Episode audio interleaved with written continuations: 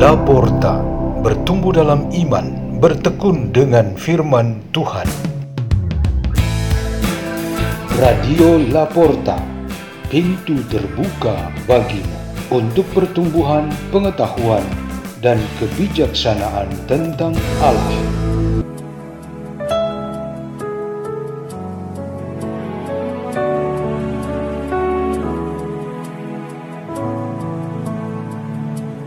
Bacaan dan Renungan Sabda Tuhan Hari Rabu Pekan Biasa ke-27 5 Oktober 2022 Dibawakan oleh Ferdinanduson dan Andrean Januar Putrason dari Paroki Roh Kudus Labuan Bajo, Keuskupan Ruteng, Indonesia.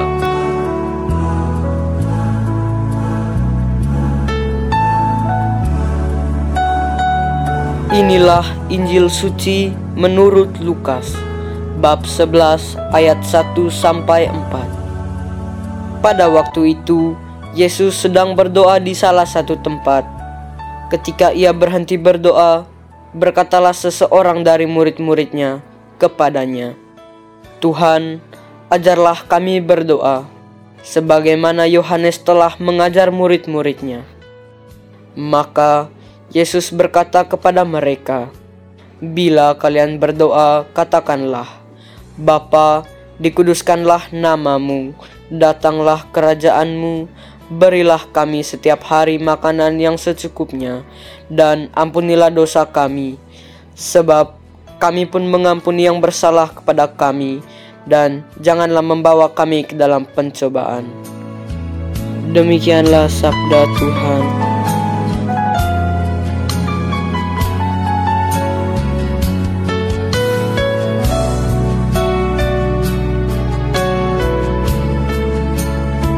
Renungan kita pada hari ini bertema atas kehendak Allah kita dapat melihat bahwa karena kehendak Allah, Rasul Paulus yang sekitar belasan tahun menjadi pewarta Injil di berbagai daerah di luar lingkup Yerusalem, datang menghadap para pemuka jemaat di Yerusalem.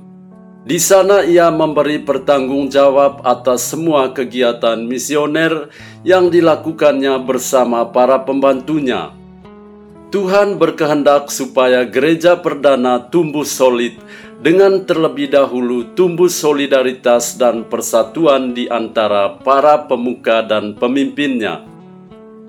Kita tahu bahwa setiap bentuk pekerjaan, baik kecil maupun besar, untuk bisa sampai kepada Tuhan selalu melalui salurannya, yaitu doa kita berdoa untuk menyatakan berbagai macam maksud dan kepentingan supaya Tuhan Allah berkenan mendengar dan mengabulkan.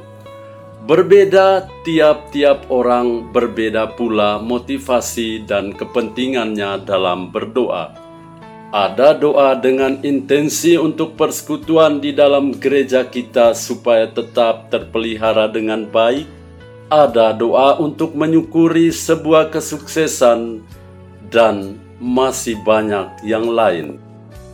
Tuhan Yesus mengajarkan kita untuk berdoa, meminta terjadilah apa yang sesuai kehendak Allah, karena atas penentuan Allah itu kehendaknya terlaksana, sehingga yang utama ialah Tuhan yang punya penentuan dan bukan keinginan kita manusia.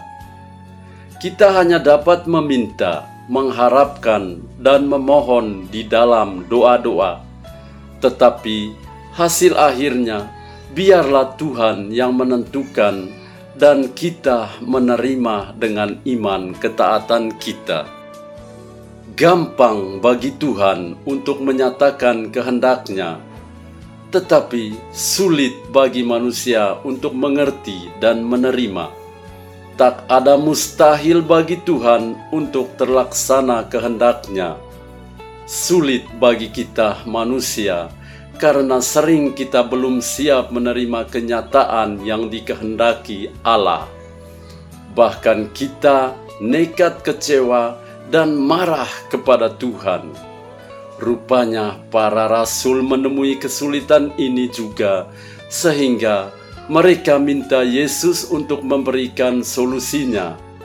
Lalu diajarkanlah mereka doanya sendiri, yaitu doa Bapa kami.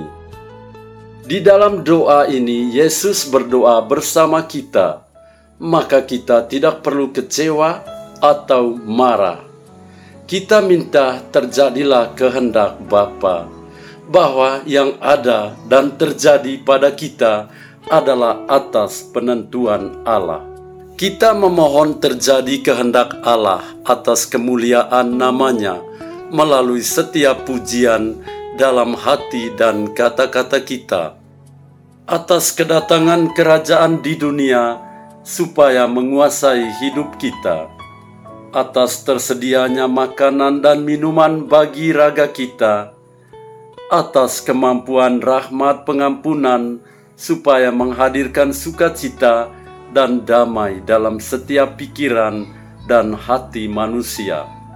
Atas terbebasnya kita dari segala pencobaan si jahat, dan atas kesetiaan kita sebagai anak-anak yang dikasihi Bapa. Kita sangat beruntung dapat berdoa bersama Tuhan Yesus.